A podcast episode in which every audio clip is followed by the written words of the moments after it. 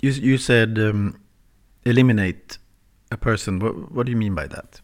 It means that the client have expressed a, a desire. Uh, they often have deemed high value targets. If in the pursuit of an assignment a high value target has been identified, you would then have the the concurrence and the mandate from the client to to take him out or her out. Welcome to Spionpodden.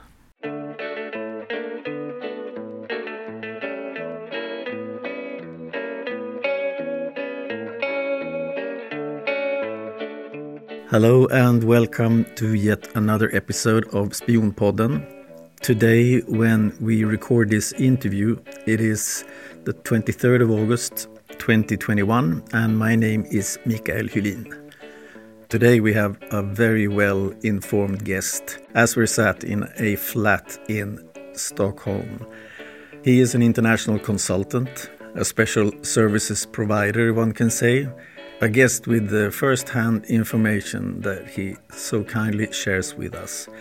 And I can assure you this will be first hand information. You will hear that we protect the guest's identity, but I hope you understand and that you will find the audibility good anyway.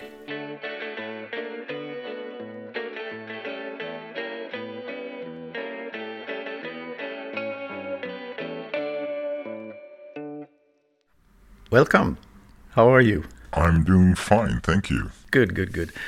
Listen, um, we are going to talk about Afghanistan, and, and I know you've been there many years in very various positions.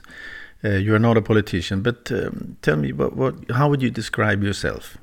I would describe myself as a, I guess, an international consultant with a broad range of clients who range from, from governments, private companies, institutions, private persons, etc., who have a, a specific quest, if you wish, for detailed information about uh, small and big issues, not only in Afghanistan but also in other countries, who cannot turn to official information gathering services or suppliers, and therefore make use of people like myself. And you, you said official. What, what, what, what's the difference from official and you? Well, the official information gathering apparatus, if you wish, is often connected to governments and their ability to to survey, to to have networks of nationals of their own country, providing them with the information that that particular country needs in order to form foreign policy, to have local, regional, global strategies, etc. The, the private person in this particular case, for perhaps many different reasons, they probably want to avoid the scrutiny of the public domain, either for secrecy reasons, for financial reasons, for uh, you know other reasons. For example, if a private company is looking to do a mine or an oil field, they may not wish to disclose that in the public domain, so they use not so much official information gathering capabilities and then they use private individuals instead to ensure confidentiality and to make sure that the, the circle of individuals who have access to that particular assignment slash information is limited. So it's sort of um, surveillance, uh, like military surveillance, but private? It really depends on the client. It really depends on the circumstances. If the client wants to do or to go down that path, that is a service that I can offer, yes. Give me an example of what, what can that be? Of the... Of service? Of For example, it could be, as I mentioned before, you have a, a large mining company, oil company, large international company who wants to establish a new mine, farm, production facility, etc. Emerging markets. In other words, markets that could be potentially risky, politically, security wise. An assignment could be that you map out the local power structures mm-hmm. to make sure that the company then goes in and uses the right entry points, uses the right contact people, establishes a network of individuals with whom they can initiate negotiations, etc.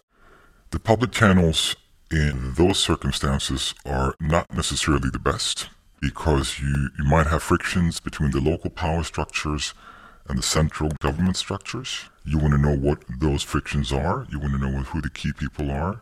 You want to know what the triggers are. You want to know how the local landscape looks like economically, who controls the money, who makes the decisions, who are the true change agents.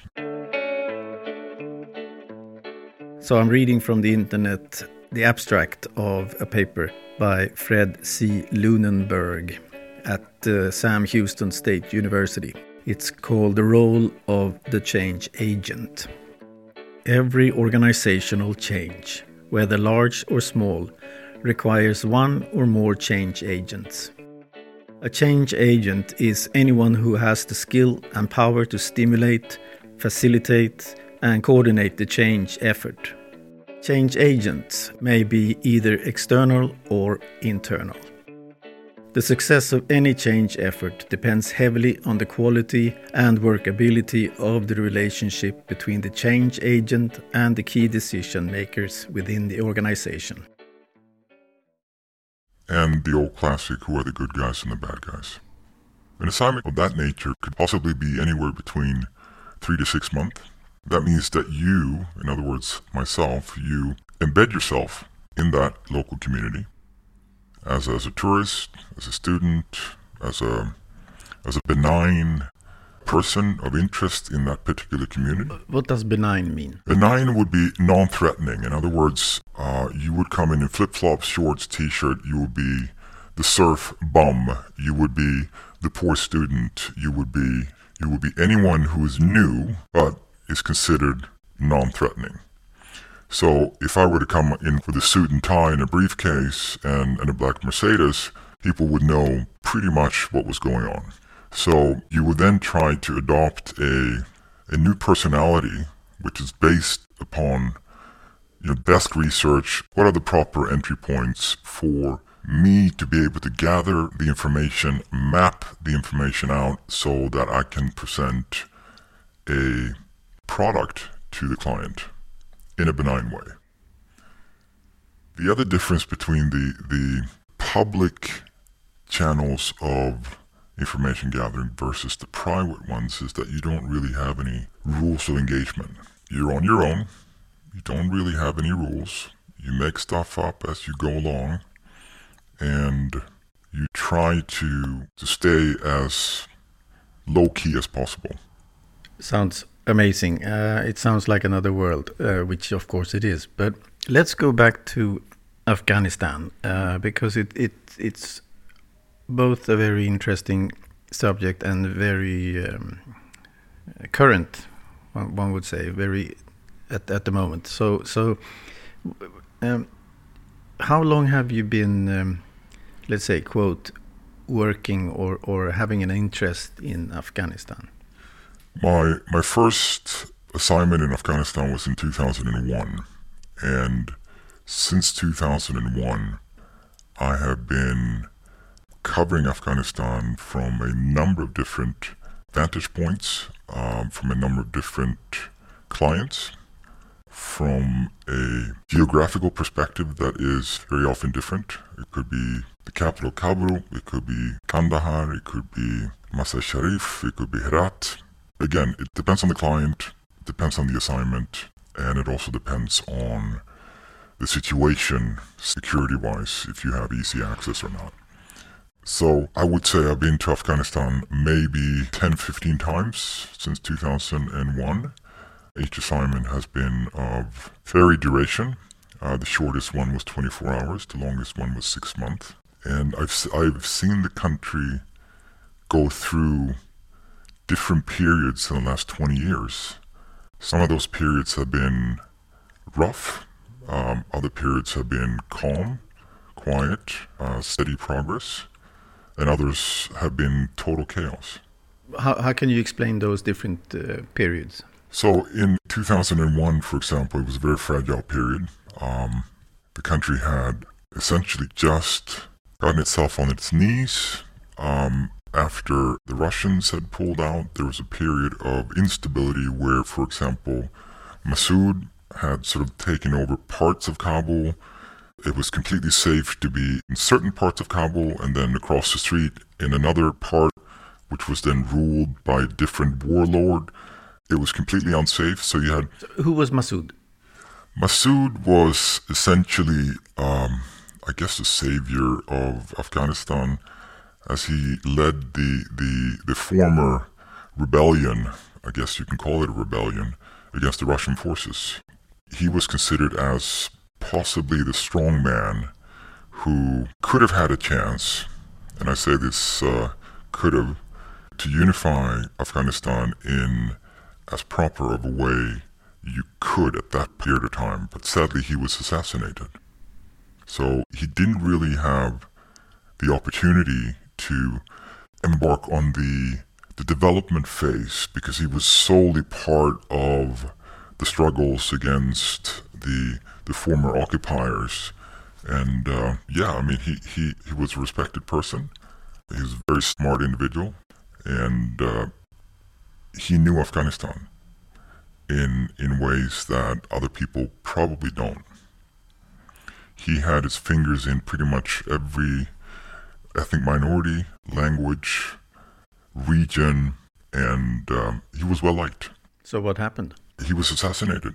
Um, I don't recall exactly the na- the the the date, uh, but he was assassinated by Tajik, I believe it was Tajik. And who who's Tajik? Tajik is a is a person from Tajikistan. It's also part of a large ethnic group in in Afghanistan who are the Tajiks. Um, and you have um, Afghanistan has always it's never actually been a country per se. That I mean, we come back to that a little bit later, but one of the key problems the West has always done is they've treated Afghanistan as as a as a normal country, when in fact it's it's a patchwork of tribes, of regions, of ethnic groups, languages, and and and, and religions. And in treating the country as a normal country, thereas lie, I think, one of the cornerstones of this enormous failure that is that we're now witnessing. And how would you explain the, the if we're already into that, uh, how would you explain this uh, enormous failure? Well, I think first we probably have to say that everything that has been done in Afghanistan is not a failure. You have uh, you have small pockets of success, and don't forget you've had various humanitarian organizations, you've had various UN organizations, you've had various development organizations from different countries. So it's not all military.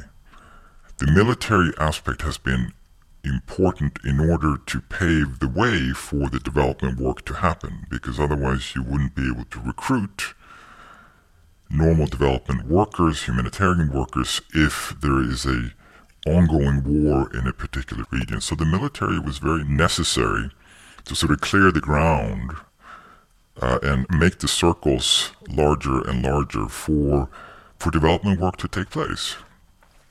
Having said that, the the the failure that we're now witnessing on a daily basis, I think, can be deeply rooted in one um, the West's inability to treat Afghanistan as a patchwork of tribe regions, languages, um, and religions, and ethnic minorities and groups. To um, the inability of the armed forces, the Americans, the international forces, to to realize that you could not apply the same training protocols that you would in a normal military service in a country like Afghanistan. Uh, it's it's evident now that ethnic minorities, the corruption within the ranks, the various warlords, etc., they would never fight for the flag of Afghanistan. They're much more likely to fight hard and well, and that they've proven for decades, for their own region, for their own warlord, for their own ethnic minority, for their own language, for their own religion. So this, um, the belief, I think, was a good one, but in all practicality, it's one of the aspects of the training of the Afghan military services um, has been part of the fracture of structure that we see right now. The other part is the corruption part. How do you fight corruption? Well, you get rid of corrupt people, obviously. You you try to get rid of the the opportunities that the power structures have to money in order to buy influence that then can be used to secure further flows of cash. It's a lot easier said than done. Um, I think corruption in Afghanistan is deeply rooted in um, how people live their lives, not always necessarily having to do with, with financial transactions. It's connections, it's hierarchies, it's uh, family structures, it's ethnic structures, um, etc. So it's it's. I think the West has underestimated the the ability for the West to combat corruption. It's relatively easy to do in institutions in Kabul, but it's less easy to do in the provincial areas. Don't forget, 70% of the Afghan people live in the provinces. So you have, you have roughly 30% of the people living in the four major cities of the country. The other part of the failure, I think, is the more sophisticated the armed, the external, the West, Americans, NATO, etc. forces became in their surveillance, in their equipment, in their strategies, the more basic the Taliban became.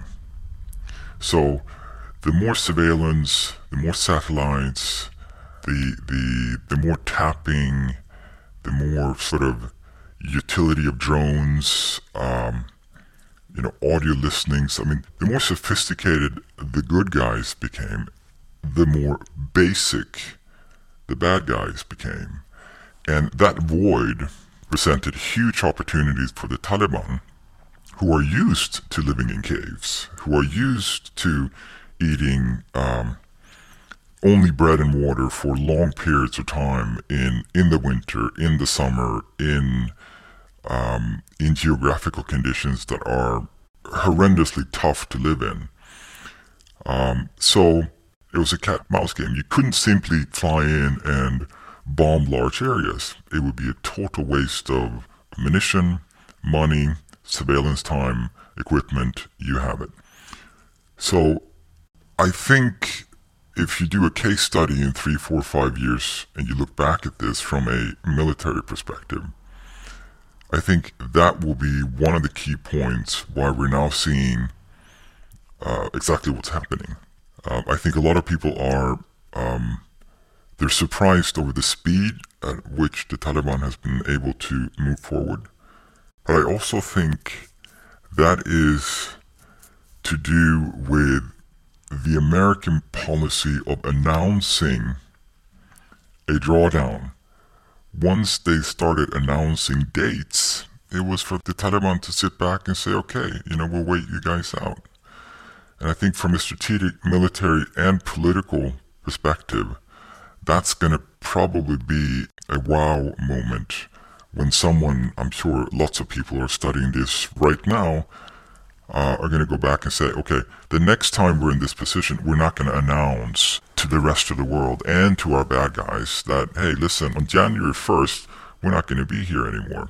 It, it sounds a bit logic. No, I mean, uh, uh, I mean, obviously, it's uh, um, it's um, not only logic, uh, but again, I, I, I don't I don't necessarily um,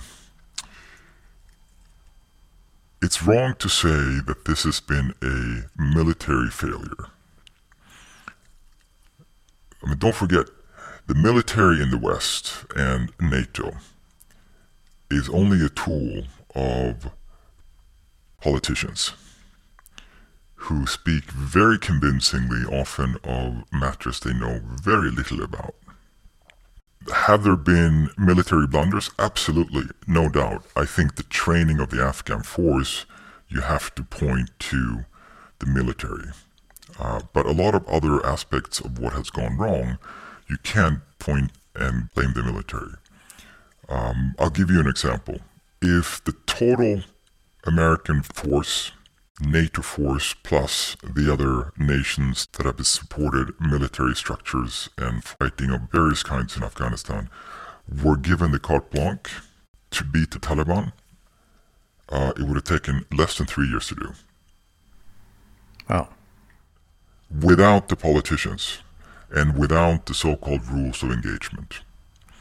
Wars today are not fought, they're fought by soldiers, but the rules that these soldiers are operating under are done by politicians and lawyers who very often know very little about warfare in general, and in particular, warfare in a geographical context like Afghanistan. So I think there's a lot of blame to go around. So so so pinpointing this to a military failure, I don't think it's fair. It's not fair to the men and women who've bled, died, cried, uh, and survived uh, in in Afghanistan. I think there is a lot of political blame to go around.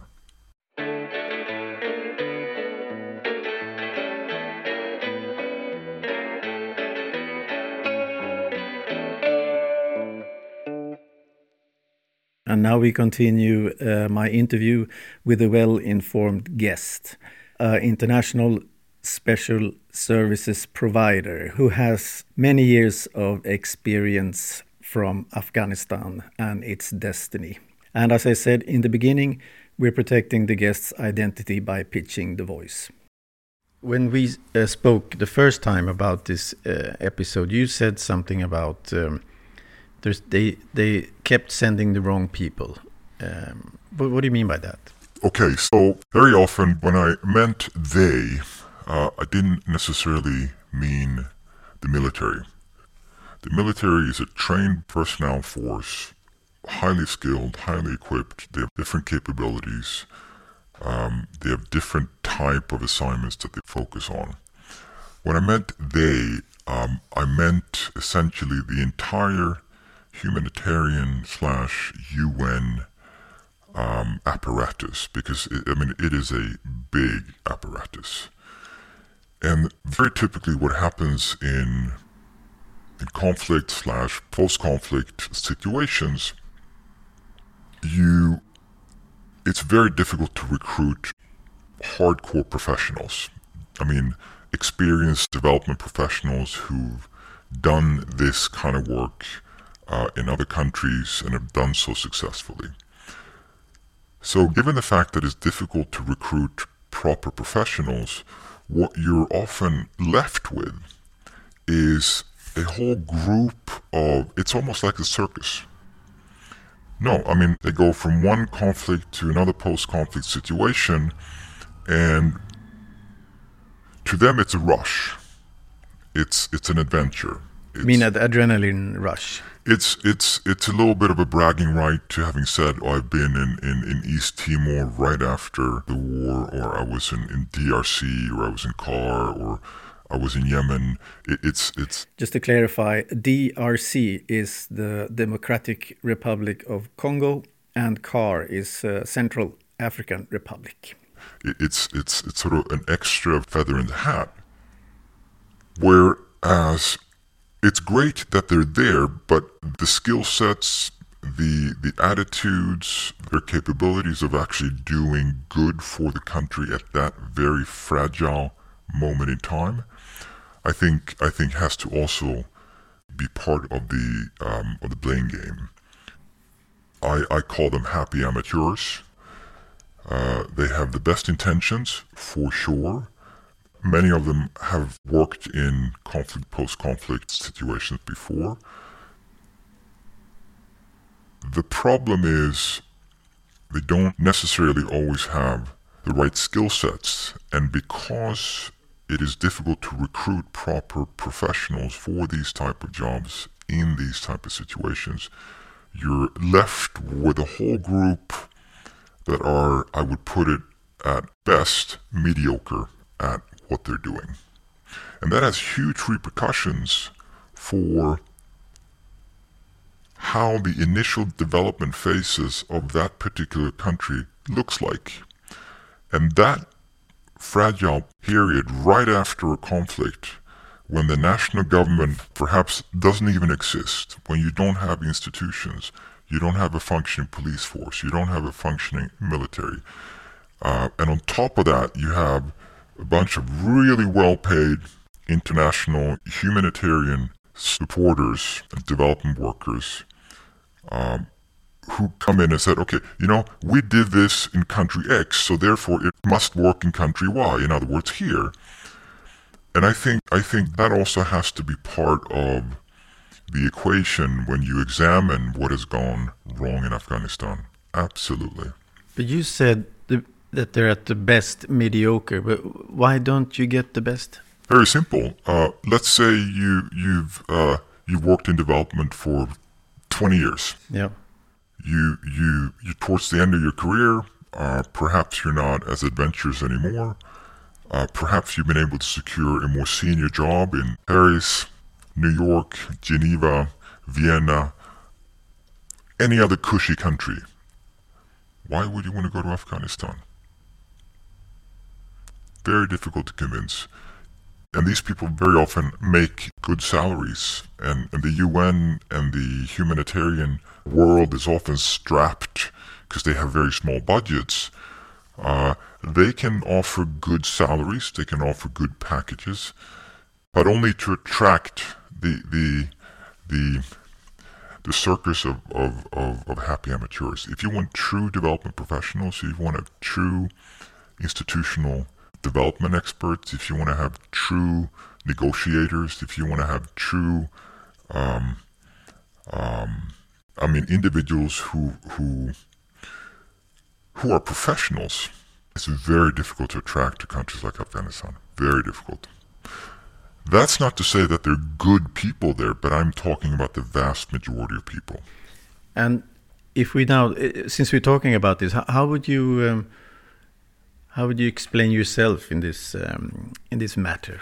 Um, I I would say uh, in this equation, I would be, I guess, a combination between a um, a professional uh, that has a, a particular skill set that um, other people are willing to pay for, uh, where they very often have used me and my services in the past. They rely on me, they know me, often they know that um, what is being presented, what is being delivered is of high quality. It's done on time, and um, they then, of course, have plausible deniability. Can you give us an example of what you've done in, in Afghanistan?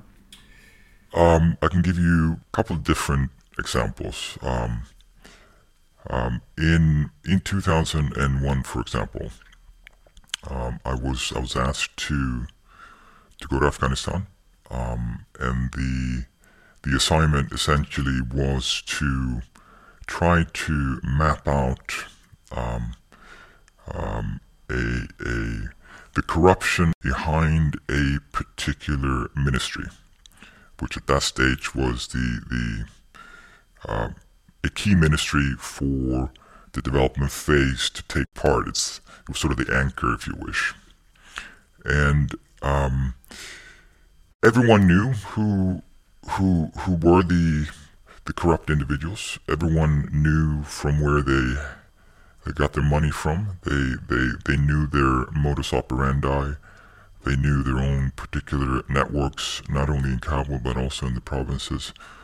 Uh, but they didn't really have any proof. And proof in Afghanistan is dangerous uh, in particular when you're trying to challenge and or get rid of people who are in power who are corrupt. Um, my particular brief was to map out um, funding sources, different kinds of connections, modes of payments, um, uh, the entire network of couriers to and from Kabul from, from the provinces um, and the districts, uh, and at the same time provide um, a list of possible actions that my client could then pursue. So that was one of the assignments in uh, 2001. Uh, there has also been several assignments that, that deals with the uh, um, the eradication of their primary source of income, which is opium. Uh, something that everyone knows, but very few people talk about. Um, Afghanistan is, is bordering seven countries. It's landlocked. The terrain is very often rugged, mountainous, and extremely hard to get to. So you would have large poppy fields in, in valleys. You would have uh, the processing plants or labs would be underground and or in caves. For heroin then? For, for, for the processing of, of raw opium, which is then turned into several other drugs that are being produced in these labs and or sold as, as raw products and then being taken to, to other countries for processing of, of all kinds of drugs. Um, that is the, the primary export and, and source of income of Afghanistan. And it is big money.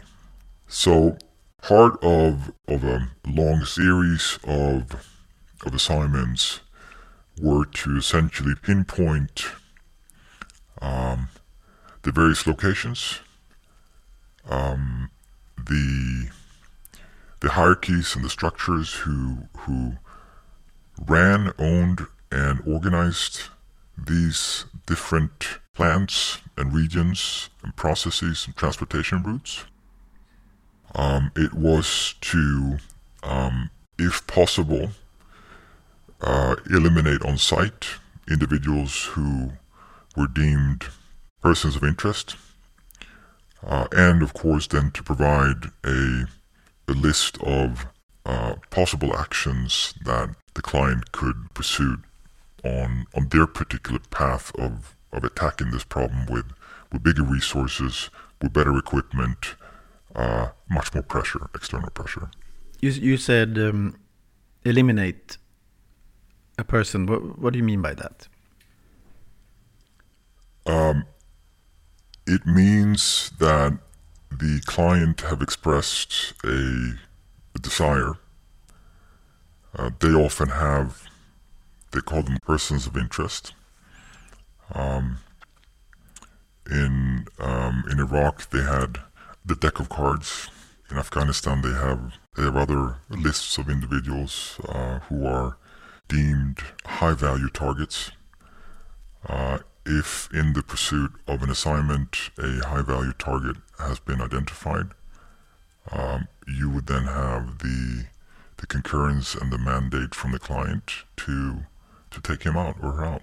And since this is opium, uh, I'm sure there's it's a very big and powerful client. Um, let me let me ask you: Can you try to take us back and tell us a little bit? I mean, now you've been explaining uh, how, how one can transform to become a good agent or or a good surveillance uh, person. Can you try to take us back and tell us what how you went on and how you proceeded with this uh, special or these assignments? I mean, I'm sure there are several assignments, but regarding opium, for instance, how, how did you how did you blend in? How did you how did you work? There's a couple of entry points you can uh, you can pursue.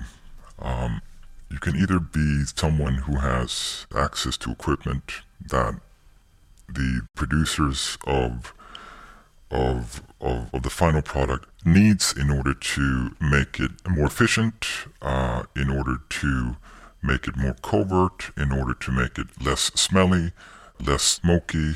So if you if you pose as, as someone who is able to provide them with equipment that would make their entire rug refining process smoother, faster, cheaper, more covert, uh, you're going to create a lot of interest from their side. They might want to be able to talk to you. That's one way. The other way is that you pose as a buyer. You want to buy drugs, and you do that covertly. So, so um, it sounds like pure uh, and dangerous undercover. Uh, I mean, everything has a risk, no doubt. I mean, if, if you walk across the street in a major city of the world, you run the risk of being run over. Um, the the yes, no, it, it's it's uh, it's it's risky business, absolutely. Uh, but I would say that you know every every assignment is being studied carefully. You you try to as much as possible have have exit points. You try to know the landscape very well before you enter something. Um, you um, you're often quite well equipped, um, physically trained, mentally prepared, uh, and you know the power structures. You know the people. You know before you go in. So so very often these assignments they have um, a study phase, which is absolutely crucial. Then you have the operational phase, which is you your team on the ground doing what you're supposed to be doing, and then you have the the exit phase, or uh, the the the phase where you sort of gradually you know remove yourself either either by purpose or or by force. Can you can you uh, give us an example of, of how a team like that could look like? Um, in my case, I have always used my own team. Trust is a major, major component when you're doing this kind of work. Um, I have used, um, these are often ex military. Not always, but often ex military. They are mentally very sound. They're not necessarily the, the, the largest men or women, because if you're too big, too strong, too much muscles, you're you're obvious. Uh, so, um, and the type of nationalities, it really depends on the assignment. You you need to be able to either blend in by virtue of looking the same as the local population. Language skills is a huge component of this. And then, of course, the technical skills. And the technical skills here could be uh, you know, sophisticated IT systems. It could be military and/or explosives. Uh, it could be the ability to uh, um, to negotiate. In other words, to to be able to psychologically evaluate a situation, a person, a group, in order to determine the best approach and/or entry point. Um, could be, for example, if you have an engineering skill that is, is required. So the composition is small teams, uh, very mobile, very agile, and very often well equipped. And roughly, how, how many people do you have to choose between in the group that you trust 100%, roughly? Uh, well, you never trust anyone 100%. Um, that is, you, you just never do. I would say I have anywhere between 10 to 15 people who I would not have any doubt on calling upon their services, depending, of course, on the assignment. Uh, in some cases, um, you, you might need a woman for a particular piece of service. Um, and in that case, you eliminate the other 14 or 15, whatever you have in your, in, in your circle of trust. But these individuals, they also work for other clients. So if if you have a good skill um, and you're part of that world, you're just not going to be able to not work because your services are always going to be very high in demand. It might not be in Afghanistan, it might be in, in another country. So you need to have people that can acclimatize uh, well as well. Yeah, absolutely. I mean, they need to be able to, to, to hit the ground running and they, they need to be agile. Absolutely. But you said one can never trust a person to 100%. Um, Can you give us an example of that? I cannot, but I have I have other friends in the same line of business uh, who have encountered situations like that. Luckily for me, I have not had that experience, but I think um, you just have to be very careful. Very careful. There is essentially only one rule in in this in this particular line of business, and that is never get caught. Why?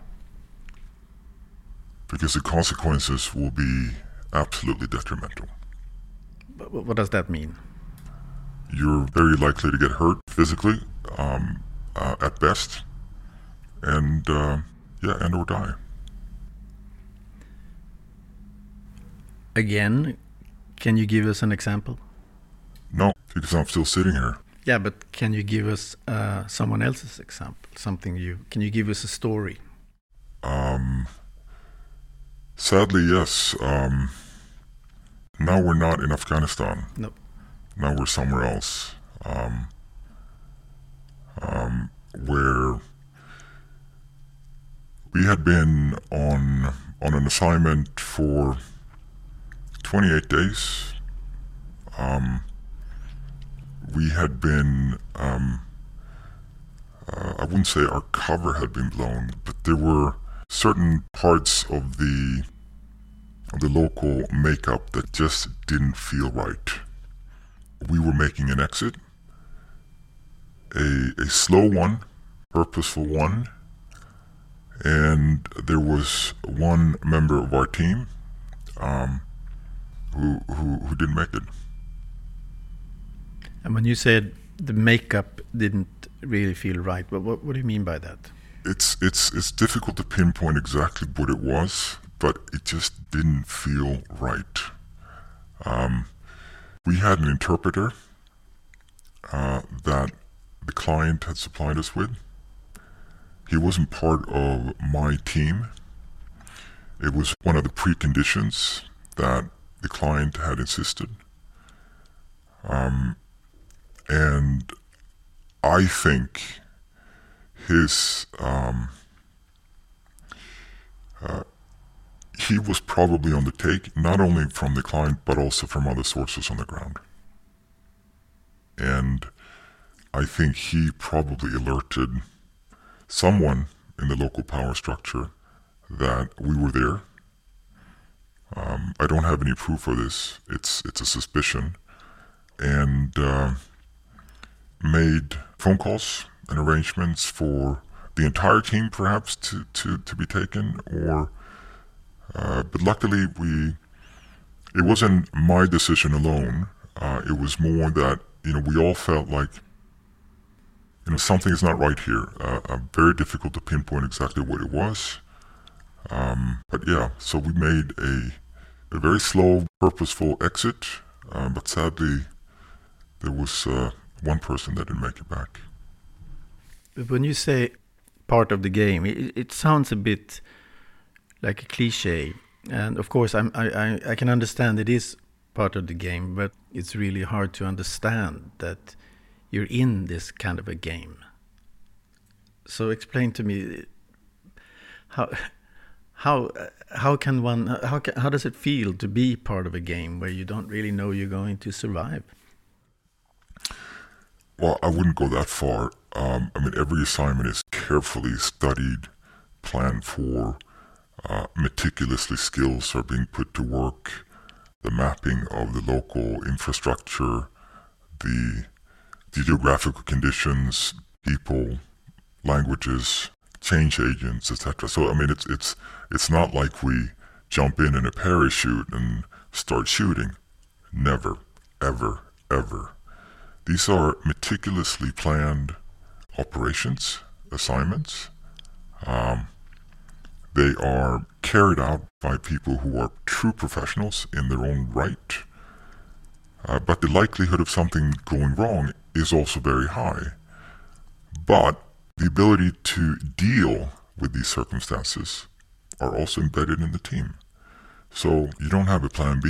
You have plan C, D, E, F, etc., etc., etc. You have exit strategies. You have you have catch bags. If if we're sitting in this room and we're not liking the situation, you grab a bag and you go. And in that bag, you shouldn't have anything in the room that you can't leave in less than thirty seconds. What's in a bag like that? it depends where you are in the world, but um, let's say Afghanistan. Afghanistan, um, you have a satellite phone, you have one or two small arms, you have ammunition to last for at least a a while. You have you have water. You might have some some dry food, some beef jerky. Uh, you might have a warm jacket, small, the one that you, you wrinkle up. You might have a small medical kit. You might have toilet paper. You might have clean socks. It sounds bizarre, but if if you can't walk, you you're absolutely useless. And if you have blisters in your ass, man, you you can't run. So, you know, it, it's um, keeping your toes clean and your ass clean is is very very important. So it's it's a grab bag, and uh, we all have them, and everything in the room or the location is is just not important. Well, I, I really. I, I think this is extremely interesting and it's kind of shocking to hear. Uh,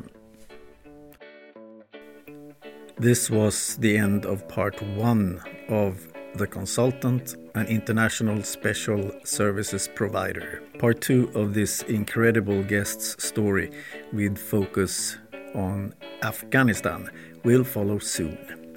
If you want to get some extra material from this episode, Go to Facebook and page Spionpodden. Sometimes I put on Instagram spion.podden. So until next time, bye.